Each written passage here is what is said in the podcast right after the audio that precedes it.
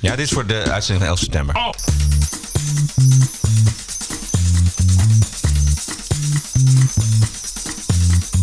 This is the TPO podcast. Ranting and Reason. With Bert Brusson and Roderick Phalo.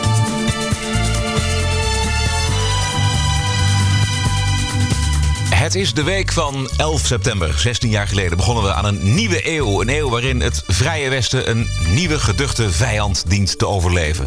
De fundamentalistische islam. Die zich middels terreuraanslagen aan ons opdringt. Om met ons en onze manier van leven af te rekenen. Hartelijk welkom bij aflevering nummer 32. This is the TPO podcast. En vandaag zijn eh, Bert en ik niet eh, alleen in de studio. De verzoeken van luisteraars liggen er volgens mij al vanaf aflevering 1. Eh, kunnen jullie niet eens Annabel Nanninga uitnodigen? Krijg jij een hoop verzoeken? Nou, ik krijg een hoop verzoeken ook, maar dat is oneerbare. Maar Oh, dit, ja? dit leek me een deugdzaam programma Ja. voor het hele gezin. Oké, Dus, de, de daar- oneerbare zeg je allemaal af? Nou, hangt er vanaf als er een leuke foto bij zit. Oké, en, en, en de eerbare voorstellers, daar ga je ook niet allemaal op in, toch? Nee, nee, nee. eh, Soms vind ik het niet nuttig. En soms, eh, eh, zeker oud-mediale vragen mij nog wel eens als een soort... ja, we, we moeten nog een soort verplicht rechtsgeluid. Of we zoeken nog een vrouw, hoor ik ook wel eens. Nou, als dat de enige reden is dat je mij vraagt, heb ik daar ook geen zin in.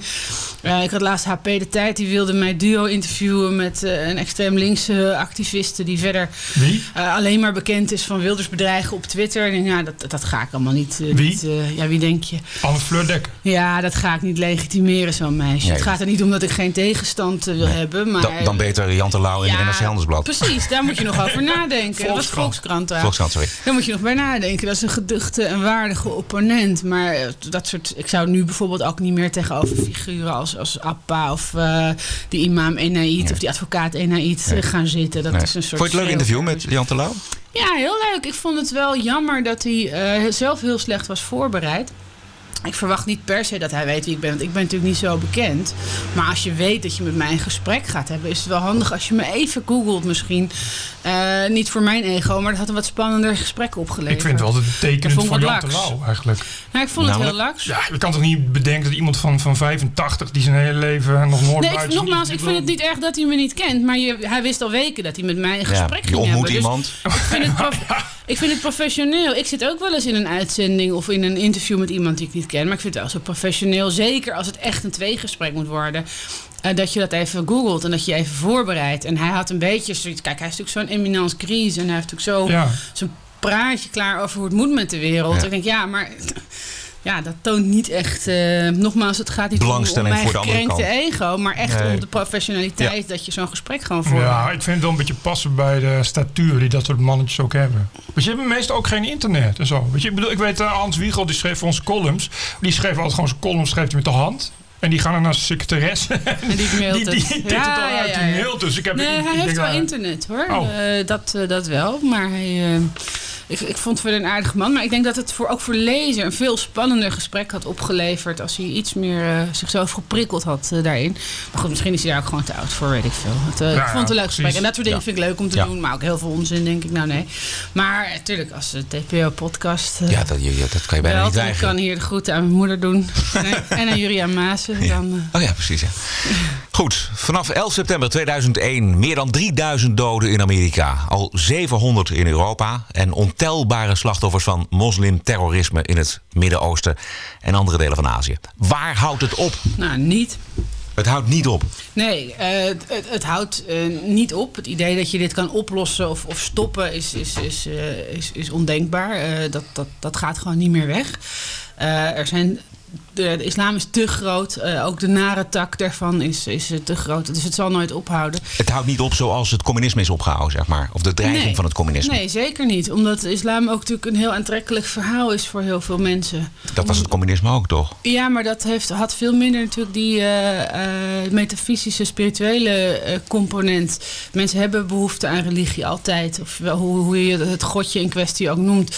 Eh, dat maakt het heel, eh, heel sterk. Je kan het alleen indammen als je ophoudt met, met die slachtofferrol steeds toekennen. Indammen. Ik zeg niet, het gaat nooit meer weg. Het gaat nooit meer weg uit Europa. Europa wordt nooit meer zoals het was. Het wordt nooit meer zonder aanslagen. Het wordt nooit meer zonder betonblokken. Dat is ons echt aangedaan door door de overheden die dat niet op tijd hebben willen inzien. Het enige wat we nu nog kunnen doen is de schade beperken. Uh, ja, maar ik denk wel dat binnen nu en pak een beet, 800 jaar, is de islam wel iets gematigder geworden. Waar dus, baseer je dat op? Waar denk je dat? Nee, ja, dat hoop je. Nou ja, omdat in de afgelopen uh, 1300. Oh, oh nee, wacht. nee, wacht. Ik dacht even. Islam is sindsdien ook al. Nee. Maar nee, ja, ik ben het eigenlijk wel een beetje met je eens. Maar ik denk wel, kijk, dit is natuurlijk wel een beetje iets van, uh, van, van ultra-extremisme. Dat iets als ISIS vind ik wel um, wat inderdaad net als communisme ook weer verslagen kan worden. Nou, op, een gegeven, op een gegeven moment zijn, zijn dat soort mensen wel uitgeroeid. Maar je, hebt, je blijft inderdaad zolang islam in Europa blijft, blijft dat een probleem in Europa. Ja, het blijft een voedingsbodem. Dat is het probleem. Kijk, ISIS als organisatie kun je ontmantelen of desnoods al die uh, leden uh, doden of gevangen zetten. Dat, dat lukt je nog wel. Uh, maar het blijft een voedingsbodem. Dan, hè, door hiervoor en, en tijdens ISIS hadden we ook nog Al-Nusra en Al-Qaeda en, en noem ze allemaal maar op. Het, ja, je kan er eentje uitgummen, maar dan ja. staat er weer een volgende groep op. Maar ik het gaat wel, echt om die voedingsbodem. Ja, maar het ideale geval is dat als we iedereen, dus ook Amerika, op een dag het Midden-Oosten gewoon met rust laat. En dat de islam daar blijft en wij hier. Denk ik dat het een ideaal, ideaal. Ja, maar dat ideaal, kan al niet meer. Nee, ja, oké, maar dit is dan hypotheek. Dat is te laat, ja. Maar een keukentrap is gevaarlijk. Maar, dat ja. moeten we niet uit het oog uh, verliezen. Ja. Maar is het ook niet zo dat, het, dat de westerse democratie altijd vijanden gehad heeft? We hebben natuurlijk het communisme gezien. We hebben de, ook de Rode Armee-factie terreur gezien in Europa. Ik bedoel, de westerse democratie is heb ik wel eens gehoord op de universiteit waar ik gestudeerd heb. Eigenlijk te saai voor veel mensen. Te saai in, in hun hoofd. Want je moet je neerleggen bij, de, het, bij het gemiddelde, zeg maar. En de, de extreme varianten van hoe de wereld eruit zou moeten zien. En dan kom je natuurlijk bij het communisme terecht, maar ook bij eh, de, radicale islam. Dat past niet in eh, de westerse samenleving. En dus zul je altijd vijanden houden. Omdat de democratie die behoefte niet kan vervullen.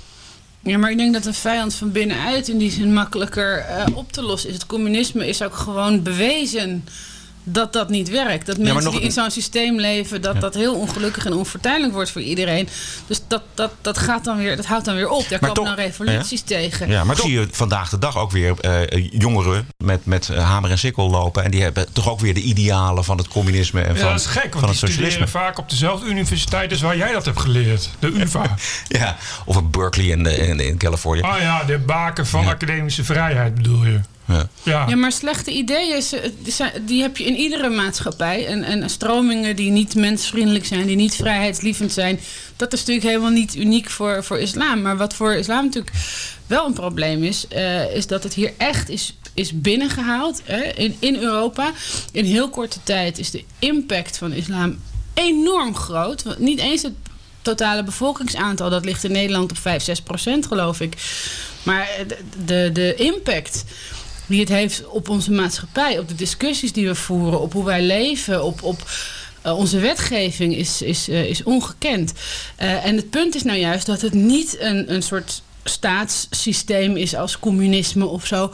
Uh, waardoor je er juist eigenlijk niet tegen kan verzetten. Ja, je kan hardop zeggen, nog wel, dat je, dat je islam een slecht idee vindt. Maar weet je, je kan niet stemmen of zo. Ja. Of je kan, niet, nee. je kan het niet omverwerpen. Nee. En dat, juist omdat het ook een geloof is. Ieder normaal mens zal zich verzetten tegen het idee om een geloof te verbieden. Of om mensen te verbieden iets te geloven. Maar dat is bij islam natuurlijk een heel lastige mengvorm van een extreme politiek en religie. Ja, Bert, hadden we de extreme islam buiten de deur kunnen houden in Europa? Uh, ja, maar dan had je al vanaf het begin van de islam buiten de deur moeten houden. Al echt in, uh, bij, bij de eerste gastarbeiders ja. al moeten opletten. Dat, dat was niet dat, had er moeten gebeuren. Het was niet dat die mensen uit dictaturen of uit uh, democratische landen kwamen waar ineens later de islam een dictatuur bleek te zijn. Dat waren de, weten we al sinds uh, wat is het 500 of zo. Ja, dat is niks nieuws. Daar hadden we al had gewoon moeten opletten. En je weet dat je op het moment dat je dat binnenhaalt, dat, dat daar ja, de, de, de radicale variant daarvan, ja, de, die hou je dan ook binnen. En dan, en dan kun je nog, bedoel, op de universiteit waar jij hebt gestudeerd, zeggen ze dan ja, maar dat komt omdat we kolonialisme hebben bedreven. en Nee, weet dat ik kwam veel pas wat. veel later, Bert. de Het was niet- heel ja, visieloos. het, maar ik bedoel, het maakt niet uit wie schuld dat is. Het feit is dat dat radicalisme eh, dus gevoed wordt door die religie. Dus als je dat erbuiten wil houden, dan moet je die religie erbuiten houden. Maar de, de klap die 9-11 2001 eh, gaf, dat gaf toch ook aan hoe wij niet bewust waren, hoe het Westen niet bewust was dat er eh, bij al die immigranten uit het Midden-Oosten ook wel eens dit soort gevoelens zouden Nee, kunnen dat, zijn. dat gaf aan hoe heel veel mensen daar wel bewust van waren. En dat wel zeiden, maar dat er niet, naar heel veel van die mensen niet geluisterd werd. Ja, is dat zo? dat, dat gaf aan hoe, hoe eh, eh, leiders van landen daar te bang voor waren om daar überhaupt naar te kijken. Dat gaf niet- aan hoe Nou, lang het- we hebben kunnen wegkijken. Het was toen nog geen brede maatschappelijke stem in de jaren Maar hoezo? Ik 90. bedoel, Fortuyn was al voor, voor 2001 eh, had hij het al over de islam. Nee, dat is zeker waar. Die geluiden waren er ook wel. Maar het was toch niet zo. Ik denk dat het zelfs voor de redelijk geïnformeerde krantenlezer echt best een eye-opener eh, was toen. We hadden echt die gouden jaren negentig gehad. Ja. De bomen groeiden in de hemel. Het was, alles kon, alles mocht. Het was de ultieme vrijheid. We hadden net eigenlijk die oude politieke correctheid. Ik zat gisteren toevallig nog een stukje van, eh, van Hans Theeuwen te kijken. eh, over de Josti-band. Dat, dat beroemde stukje waar die eigenlijk misschien bij heel Nederland wel beroemd mee is geworden.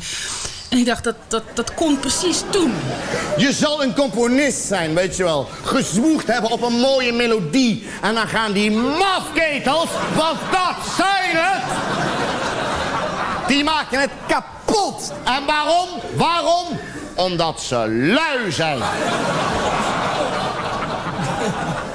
Te lui om te repeteren wat elke muzikant moet. Maar nee hoor, ik ben wel goed. Alles wat ik doe is toch wel leuk. Ja, met zo'n instelling blijf je zwakzinnig. Vind gek? We hadden even een beetje vrijheid. En toen kwam 9-11 en toen de jaren 2000 en bam. En toen kwam de politieke correctheid en de, en de extreme uitwassen die we nu zien in de social justice en aan de Amerikaanse universiteit. Dat is waar. Maar vergeet niet dat eh, voor de jaren 90 en de jaren 80 was de politieke correctheid ook op een hoogtepunt. Dus het is ook Ja, nooit. daarom, het is, heb ik ook over een... Maar het is ook nooit mogelijk geweest om daar dus over te denken. Want het is natuurlijk niet zo dat het in de, in de Arabische landen. Ik bedoel, Osama bin Laden kenden we al bijvoorbeeld. En het is niet dat nooit gewaarschuwd heeft. Of dat het eh, in, in, in Arabische dictaturen één groot feest was. Al helemaal niet ten opzichte van het Westen. Nee, maar met Osama Bin Laden is volgens mij ook gewoon samengewerkt door de Amerikanen in Afghanistan. Ja, ja, ja. Maar goed, ik bedoel, Saddam is ook in het zadel geholpen Ja. door de CIA. Maar de- ik bedoel, we, dat- Nee, maar we- ah, er- was gewoon niet, bedoel, we wilden dat ook gewoon niet zien. Jij zegt, eh, we komen er nooit meer vanaf. En dat komt omdat overheden niet hebben zitten opletten. Ja. Dus is de vraag, wanneer hadden de overheden moeten opletten? Nou ja, En inderdaad, hoe met lang? Die eerste eh, immigratiegolf, toen er grote groepen eh, mensen uit moslimlanden hier kwamen. En voor Nederland zijn dat de Turken en de Marokkanen vanaf de jaren zestig zo'n beetje. Eh, daar zijn zoveel stappen fout gegaan. Eerst was het, ze werken hier een paar jaar en gaan dan terug. Daar is helemaal, daarom is er helemaal geen beleid op Gastarbeiders. gemaakt. Omdat er precies altijd het idee was dat ze teruggingen. Dus het maakte niet uit wat die mensen dachten en wat ze stemden en wat ze van homo's vonden. Dat was helemaal niet. Dat, ze- het idee was dat ze niet echt in de samenleving stonden. Ja. Als we dat op dat moment meteen hadden geweten. En daar meteen ook beleid op hadden gemaakt. Dat je, maar natuurlijk, ze bleven wel. En er kwam gezinshereniging. En er is heel lang ook een soort. Je mag in je eigen bubbel blijven zitten. Door de overheid gefinancierde eh, Turkse en Marokkaanse verenigingen, moskeeën, scholen, eh, folders in alle talen. Eh, ja, er is steeds heel reactief achter de feiten aangelopen. En het erge is, dat is toen gebeurd. Dat kun je nu niet meer terugdraaien. Je ziet het godverdomme weer gebeuren. Maar wat ik niet Met snap- deze hele vluchtelingenstroom, wacht even, wat weer allemaal mensen uit moslimlanden zijn. Dit keer meer Syrië en, en Afrika. Ehm, je ziet het gewoon zich exact weer herhalen. En dat vind ik wel. Weet je, je kan van toen zeggen: A, dat kun je niet meer terugdraaien. En B, ja, het politiek hobbelde een beetje achter de werkelijkheid aan. Maar we hebben die les toch gezien nu? We weten het toch nu? We doen het gewoon weer. In welk jaar stonden, stonden de Mooren voor het laatst bij Benen voor de Poort? Ik bedoel, hoeveel eeuwen weten we dat niet al? Is het de schuld van de barmhartige Samaritaan? Deels, ja. Eh, en ook wel van een berekenendheid. Want denk maar niet, eh, eh, afgelopen jaar was ineens heel groot nieuws... die lange arm van Ankara en zo. Denk je nou echt dat dat iets van de laatste twee Ja, jaar precies. is? Dat was al in de jaren 80, 90... waren al die moskeeën van Dianet... van het Turkse ministerie voor Geloofszaken... die hebben dat vanuit die landen heel berekenend gedaan. Weet je, het is, Nee. niet, het is niet dat ze dat niet met open vizier deden. Dat heeft de islam altijd gedaan. Ja. Het is niet dat je niet wist wie er kwam, maar dat je dacht van... Goh, we staan nu voor de poorten van Wenen. Wat zijn dat nou voor lui? En dat was nu ook niet zo. Dat was inderdaad, oké, ja, we sturen wel uh, gastarbeiders... maar die halen wel uit de RIF en die halen wel uit uh, de, de gebieden... waar, Anatolië, waar ja. ze toch geen scholen hebben. Dus denk nou niet dat je iets meer kan. En, en, en ja, Dianet net zo. Je, kon gewoon, je kan gewoon bellen naar een Dianet-moskee. Zeggen, wat is jullie visie van de islam? Wat vinden jullie van vrouwen en homo's? Is niet dat ze dan zeggen van, ik, ik leg Nou, niet maar uit, in die zin was 9-11 natuurlijk wel heel erg een eye-opener. Dat, dat die islamitische eh, eh, landen, dat dat geen prettige plaatsen zijn om te wonen, was toen al gevoeglijk bekend. Alleen wat denk ik voor heel veel mensen een eye-opener was, is dat hun eigen eh, buren, gewoon de Nederlandse huistuin- en keukenmoslims, die van hun leven geen vlieg kwaad zouden doen, dat die ondertussen wel eh, er toch wel heel gekke denkbeelden op nahouden. Wat aan zich ook weer niet verboden is. Maar dat is natuurlijk heel lang weggestopt. Gewoon zo'n zo'n zo'n aardig Turks kruideniertje. Nee, ik geloof niet dat dat een gevaar voor de Nederlandse maatschappij is. Maar ik denk wel dat dat voor heel veel mensen een eye-opener was. Van hé, hey, ze keuren dit ook niet echt af. ze begrijpen ook wel waar, waarom wij zo gehaat worden. En Ja. ze denken eigenlijk wel heel gek over Joden. Nee, ze, maar ze keuren het ook niet is niet dat er een grote beweging op, op, eh, op 12 september op gang kwam van, van Nederlandse islamieten of in Nederland islamieten die massaal de straat op gingen om te vertellen: ah, dit is niet onze islam. Dat is niet zo. Er werd meteen, Nee. ook, er werd ook meteen gezegd van ja, ja, maar het Westen. En ja, maar Ja. het is ook zo dat jullie, weet je, het is, het was, dus dat was denk ik inderdaad wel een eye-opener. Dat we ineens toen wisten van, oh wacht even, het is dus veel meer. Het is, het is niet Osama Bin Laden Nee, of een het radicaal. kwam letterlijk veel meer Het- thuis. Het, is iets wat, wat gewoon echt systematisch is. Ja. Nou, er wordt altijd gezegd dat de integratie in Europa op een hele andere manier gegaan is als de integratie in Amerika. Heeft onder andere te maken met de rol van de overheid, hè, het, eh, de subsidie en het misschien pamperen van, van, eh, van minderheden. Terwijl in Amerika moeten minderheden ook gewoon hun eigen broek ophouden en zijn ze sneller onderdeel van die samenleving. Is het in Europa erger dan in Amerika? Je, je bedoelt de politieke correctheid of de gefaalde integratie? Nee, ja, de- het, het gevaar van de gefaalde integratie. Nou ja, dat denk ik wel. Ook Ja. omdat Amerika dat gewoon veel beter in de hand heeft. Die hebben niet blind zoveel mensen binnengehaald. Die hebben niet grenzen opengegooid voor totaal ongecontroleerde vluchtelingen. eh, eh, en wat Amerika ook veel beter doet, en waar Europa natuurlijk door de Tweede Wereldoorlog denk ik heel erg bang voor is, eh, is dat ze eh, openlijk trots zijn op hun vlag, op hun land, op hun volkslied. Hier, als je zegt je moet. Het, ik heb laatst aan een Amerikaan uitgelegd dat het in Nederland controversieel is om te zeggen: we gaan kinderen op de basisschool het volkslied leren. Ja. Dat dat controversieel is. Dat mensen dat eng en gevaarlijk. Ja. En dat was, heel, het was helemaal geen, geen eh, right-wing eh, engert. Die Amerikaan was gewoon een huis- en een keuken Amerikaan. Die keek me aan en die dacht: je, je moet pilletjes hebben. Of je moet even liggen. Je bent goed bij je hoofd. Ik zeg: nee, dat is echt waar. En dat heeft de Amerikanen veel beter gedaan. Jij komt erheen, je moet een hele procedure door. En je krijgt echt te horen: dit is jouw land. En je mag hier alles doen wat je wil. Je krijgt hier alle kansen. Je bent ook verantwoordelijk. En je mag blij zijn dat je hier mag zijn. Plus, het zijn volgens mij de geschiedenis van, in- van, van immigratie naar Amerika is natuurlijk Europa en eh, later Latijns-Amerikaanse landen. Maar dat zijn natuurlijk allemaal dezelfde christelijke culturen. Nou ja, en de zwarte slaven. Ja, en de zwarte slaven. Ik weet niet, ik bedoel, ik weet niet hoeveel mo- moslims in Amerika zijn, maar ik heb het idee dat het echt relatief, zeg maar, als je terugrekent naar wat er in Europa zijn, heel weinig zijn. Ja, dat is minder dan de 6% die we hier Ja, hebben, precies. Eh, dus, dus dat is natuurlijk, dat scheelt natuurlijk en het ook. heeft ook minder vat, hè? Want er is ook bijvoorbeeld in de jaren 60, er zat zo'n theorie van als mensen het heel slecht hebben, zo, dan is islam is een fijn alternatief. En, en uh, uh, er is toen in de zwarte beweging, is natuurlijk die, die Nation of Islam, zo'n militante zwarte Black Power-achtig van Farrakhan, inderdaad, beweging opgekomen met islam als, nou ja, die, die box Muhammad Ali.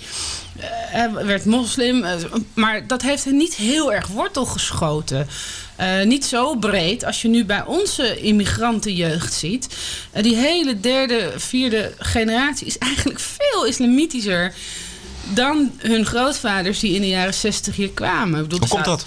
Nou ja, dat is de vraag. Er wordt dan gezegd van ja, dat komt door discriminatie en door uitsluiting. Maar je ziet dus dat de zwarten in de VS, die het ook echt uh, voor hun kloten kregen tot ver in de jaren 60, 70, dat het daar toch niet echt wortel heeft, ja. uh, heeft geschoten. En hier wel. Ja, hoe komt dat? Omdat denk ik toch weer, gaan we weer. eh, daar wel heel erg in mee wordt gegaan. In, die, in die, eh, dat slachtofferschap. Het is natuurlijk heel lekker als je. eh, kijk, militant zijn geeft misschien een soort trots. Hè, dat Black Power gedoe. Daar worden ook echt randterroristische geluiden wel in gehoord. Eh, maar dat, dat, dat, dat onder dat schijn van vrede en, en, en spiritualiteit en religie...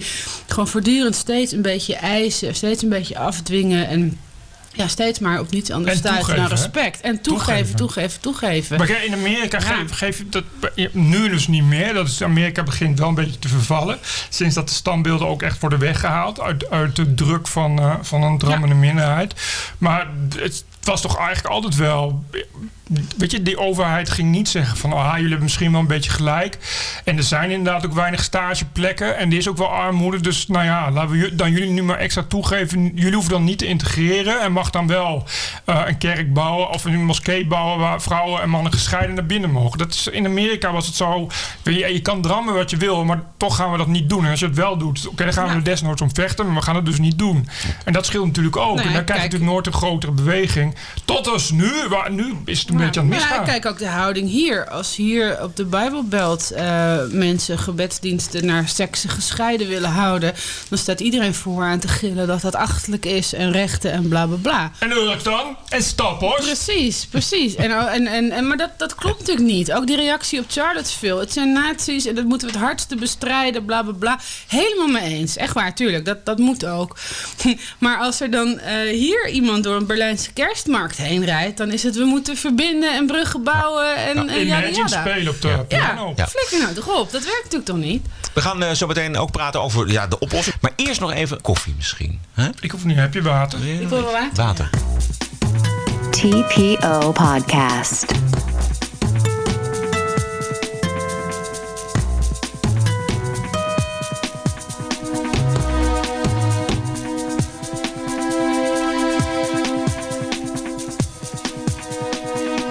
Hier heb ik het. Ik las eh, in de Daily Telegraph dat eh, Groot-Brittannië het tehuis is van 35.000 islamisten. Ja, dat is een, een, een milde schatting. Een milde schatting, je hebt het ook gelezen. Ja. En eh, die krijg je daar niet weg. Maar Nee. ze vormen wel een, een potentieel gevaar Ja. voor de, de democratie daar. Ja. En hier. Stel je voor dat je zou zeggen, ja, in ons land hebben we potentieel 35.000 neonazies. Moet je dan bedenken wat er dan Wat er gebeurt? dan in de Ja. media gebeurt. Ja. Een totale shitstorm. En wat er, nu, wat er nu gebeurt, dat de Daily Telegraph dit publiceert. Tumbleweeds en krekels. Ja. Ja, en The Guardian die zegt ho ho ho ho ho. Ja, en dan komt er een politicus die zegt, nou, misschien moet je dan maar iets meer gericht beleid maken op, op echt, echt alleen salafisme. Maatwerk, dus Bert. niet, dus, ja, maar dus niet, dus niet, alle, eh, niet de islam of het Nou ja, extremisme, we maar er- echt, echt Nee, maar salafisme. is, is, is dat misschien een- een, beginpunt? Want we- als we ja, het maar dat hebben mag over... dus ook niet. Als we het hebben over eh, oplossingen voor de dreiging, de terreurdreiging. Tenzij je accepteert dat we de komende 100 jaar inderdaad met terreuraanslagen te maken natuurlijk is hebben. dat het begin van de oplossing, maar dat mag dus ook niet. Laten wij dan nadenken over een oplossing. En, en, en misschien bij het salafisme beginnen. Nou, Want Marcouch die nee, roept het ook, de Ja. nieuwe burgemeester van Arnhem. Die zegt ook dat het salafisme had al lang verboden klopt, moeten worden. Maar daar los je het niet mee op. Het begint met het erkennen dat islam gewoon criminogeen is in die zin. Hè? Ja, maar, Dat- en, dat- maar, maar, dat- wat schiet je daar dan mee op? Nou ja, dat je daar dan beleid op kunt gaan maken. Omdat je dan gewoon fundamenteel dat anders kan gaan behandelen. Hoe? Eh, Dat Wat? is heel ingewikkeld, want wij kennen hier de vrijheid van godsdienst. Maar Precies. wat je bijvoorbeeld wel kan zeggen is... eh, als je eh, iets verder gaat in het definiëren van islam... als er toch wel een iets eh, kwaadaardig eh, eh, denktrand... eh, dan zou je bijvoorbeeld kunnen zeggen... je mag een moskee hebben, je mag bidden, je mag naar de moskee gaan... maar we gaan die zaak wel aftappen... en eisen dat er alleen in het Nederlands wordt ge- gesproken. Maar Dat, dat Dan laat is- je mensen vrij om te doen wat ze willen, maar we luisteren en kijken wel mee. En, Maar zou je dat ook accepteren bij andere verenigingen? Bedoel- nou, maar die doen, toch, die doen toch niet zo? In die, zin, in die zin zijn er toch geen gelijke monniken gelijk. En dat is het hele punt. Dat, dat is in Nederland heel heikel om te zeggen. Want ja, natuurlijk, alle mensen zijn gelijk. En ik mag jou niet anders behandelen op grond van je huidskleur. Dat is ook volkomen terecht. Of haardracht. Alleen, je moet, je moet af van dat taboe... Dat je, dat je islam maar blijft zien als hetzelfde als, als, als christenen... Of, of, of katholieken of Jehovah's of boeddhisten. Dat is toch fucking duidelijk dat dat niet zo is? Maar- dat zien we toch? Maar dan nog, als het wel zo was, zou het volgens mij. Want stel nou dat je een, een, eh, een eh, extreem conservatieve, eh, radicale groep katholieken hebt. die elke week bij elkaar komen. En dan, nou ja, gewoon zeg maar, eh, ja, het is een beetje moeilijk om te bedenken, maar dan prediken inderdaad dat gewoon de democratie, de, de, die moet stuk. Weet je, want er, er moet een theocratie worden gesticht. Ja, daar zou ook niemand een probleem mee hebben als we, als we zouden gaan zeggen van, nou ja, we gaan dan wel, we willen dan wel weten wat er wordt gezegd tijdens jullie preken. Ja. En we, Maar- we gaan jullie wel onder controle Maar nu, doen- nu doen we een beetje, en dat, dat- daar heb ik mijn twijfels over, alsof eh, in alle moskeeën in Nederland eh, de, eh, terreur wordt gepredikt. Je, je, je erkent het feit dat het sterk met islam samenhangt. En dat rechtvaardigt om daar dus meer een vergrootglas op te leggen.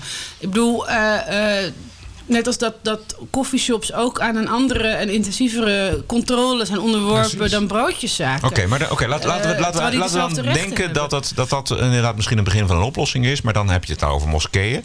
Maar bedoel, die radicale Zitten vaak in huiskamers. Ja, precies. Of die gaan via internet zich laten inspireren door zaken die ze vinden op internet. Dus ehm, in hoeverre is, is het afluisteren of het monitoren van, Nou van moskeeën een, een, het begin van een oplossing? Nou, alleen al omdat het symboliseert.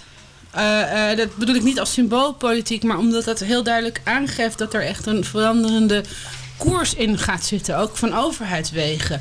De Van, erkenning. we- we- juist ook om jullie vrijheid te beschermen om moslim te zijn, moeten we natuurlijk ook zorgen dat, dat jullie geen gevaar zijn. Iedere goedwillende moslim zal het met me eens zijn. Als je echt goed wil, zou je, zou je dat juist ook willen. Dat was ook toen met het katholieke kerkschandaal, met, die, met, die, met dat kindermisbruik.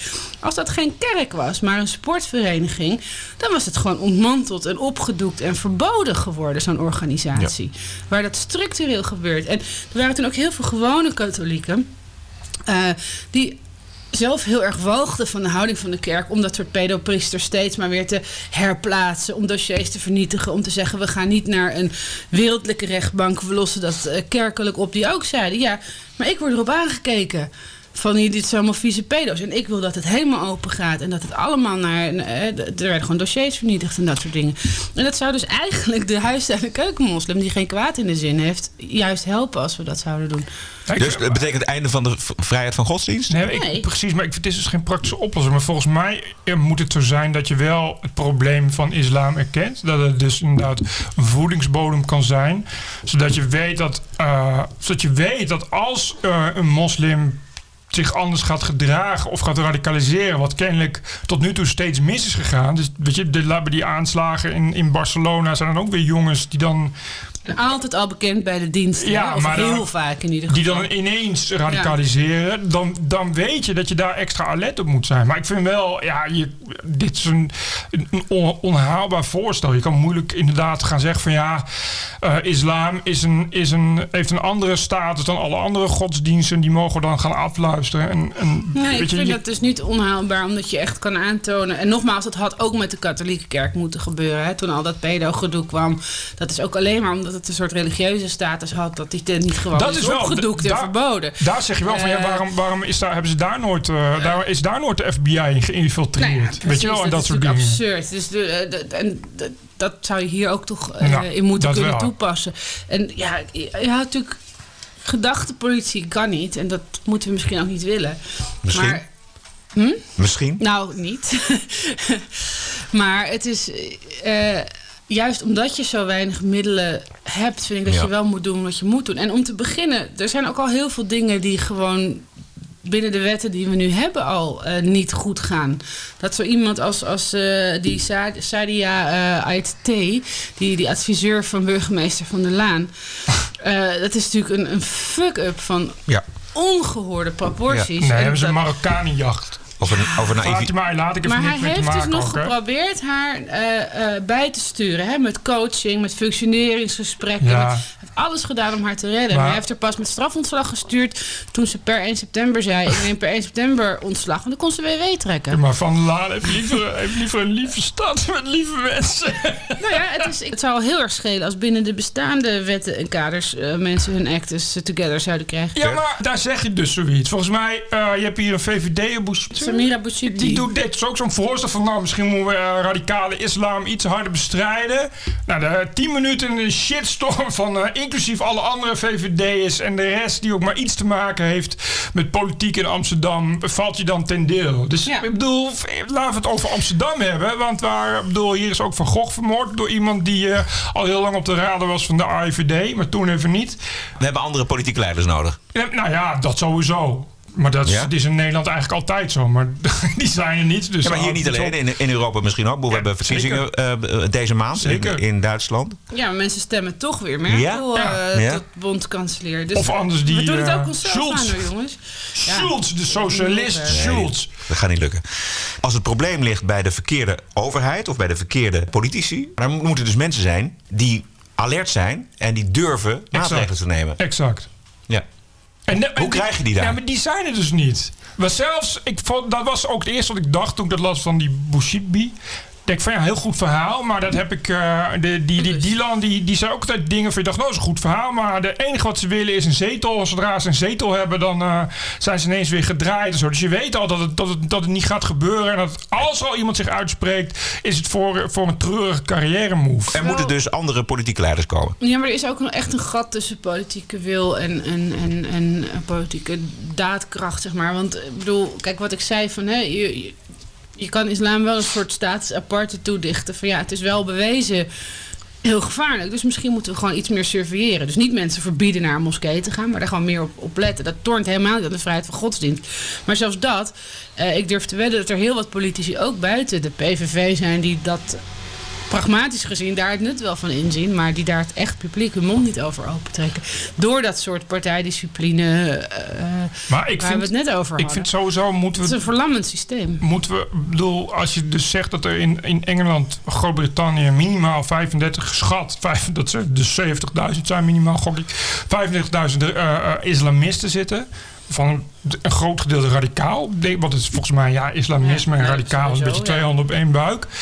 Maar dan, volgens mij moet je, moet je, is een gedeelte van de oplossing ook zeggen van we moeten maar eens kijken en of, of hoeveel moslims we nog willen toelaten de komende jaren. Want je moet dan wel eerst beginnen met, want anders kun dweilen met de kraan ja, open. met de kraan open. Ja. If you want to drain the swamp. Ja, dat, dat, dat sowieso. Maar goed, dat, dat zeggen natuurlijk ook heel veel mensen al jaren. Dat was al aan het begin van die vluchtelingencrisis. eh, Dat, dat mensen echt met, met, met, met vlaggen stonden te wapperen. Doe het niet, doe het niet. Ja, toch doen. ja. Nou, je ziet wat, er, eh, wat dat alweer Of in elk geval opgeleverd. screenen. Weet je. Je, kan, je, je moet dat niet onbeperkt, ongebreideld. Kun je, daar Nee, maar daar kun je niet eeuwig mee dat doorgaan. Dan moet ook je er eerst mee stoppen. Dat vindt ook ieder zinnig mens tegenwoordig. Maar dat- zien we tegenwoordig zien we de, de afgelopen weken niet een, een, een draai binnen Europa? De- nou, maar zeg maar de Europese leiders nu toch kiezen voor te laat. een buitengrens. Het is weer te laat. Nee, maar goed, beter laat dan wel. Het nooit. zijn weer, eh, weet je, er moesten eerst weer door mensen uit die vluchtelingenstroom Europeanen worden doodgereden. Dat was hysterie. Terwijl mensen van tevoren al zeiden,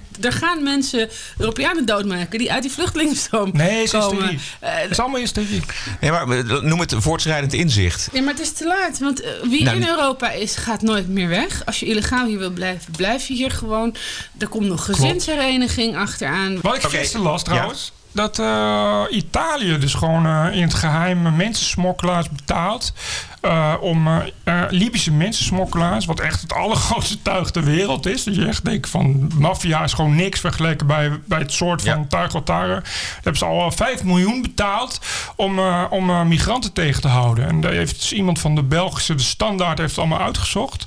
En dat blijkt toch wel echt wel zo te zijn. En dat eh, echt sinds het moment waarop eh, eh, dus die ingewijden hebben gezegd van ja, toen zijn er dus twee leden van de Italiaanse veiligheidsdienst naar Libië gegaan. En die hebben daar inderdaad onderhandeld met mensensmokkelaars. Vanaf dat punt zijn er eigenlijk bijna nul mensen nog overgestoken van Libië naar Italië. En dus nu, wat je dus nu hebt, zo erg is het dus dat er mensen of landen zijn die in het geheim, eh, daar eigenlijk buiten parlementaire, buiten democratische Zich laten chanteren. ja, dit is natuurlijk, natuurlijk cynischer dan dit wordt het niet. Nee. Maar zo erg is het dus. En dat als je dus zegt van ja, hoe zit het met de politieke leiders en hoe staat het met Europa? Ja, bar slecht. Dat blijkt dus. Eh, Annabel, denk je wel eens aan verhuizen? Ja, ja, ja. Oh, gek, ik eh, ook.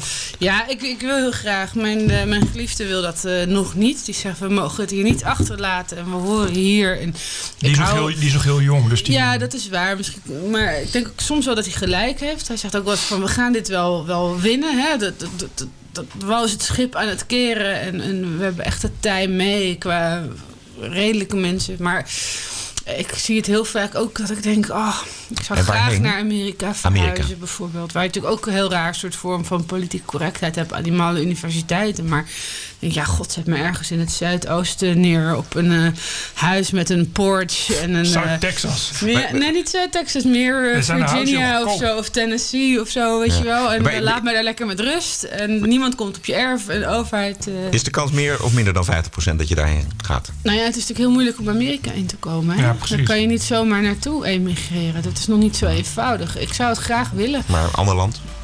Ook naar Ehm, Argentinië. Ja, nou, dat spreekt me minder, minder aan. Maar natuurlijk, ik denk wel vaak, eh, bekijk het hiermee. Want het, het, het, heeft, het heeft echt... Het voelt soms heel erg zinloos. Weet je? Ik maak me oprecht druk over dingen. Dat doe ik niet om geld te verdienen of om voor mezelf aandacht te krijgen.